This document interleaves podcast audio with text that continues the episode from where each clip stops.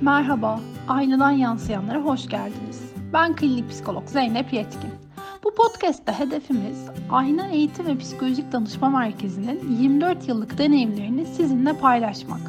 Çocuk, ergen ilişkileri, yetişkinlerin hayat içindeki zorlanmaları, kurumsal hayatın getirdikleri ve belki de götürdükleri, beslenme, duygular ve ilişkilerle ilgili bilgilerimizi ve deneyimlerimizi sizinle paylaşmak istiyoruz. Bu podcast'te sanıyorum en çok benim sesimi duyacaksınız. Çünkü genelde aynada soruları ben sorarım. Keyifle dinlemeniz dileğiyle. Herkese merhabalar. Ben diyetisyen Burcu Akgül.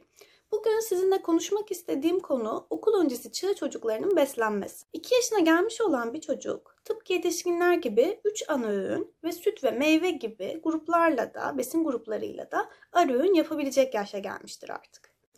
Yaş grubu çocuklar için 2 yaş ve sonrası için artık ekstra evde yemek hazırlamaya gerek yoktur. Eğer ki aile sağlıklı ve dengeli besleniyorsa. Çünkü zaten bu evde pişen yemeklerin sağlıklı ve dengeli olduğunu gösterir. Çocuğa da yetecektir bunlar. Ailelerin şöyle bir kaygısı oluyor. Benim çocuğum yeterli yemek yemiyor.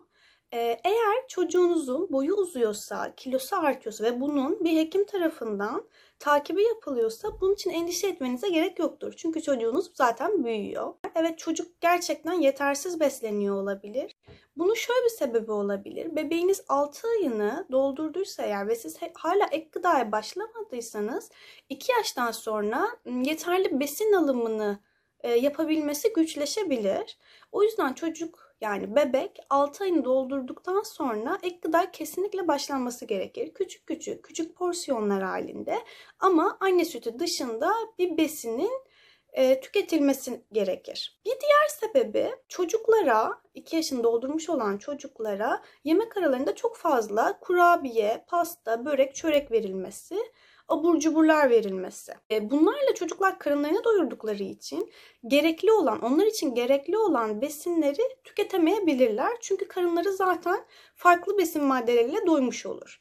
Bunları çok sık yapmamanızı tavsiye ederim.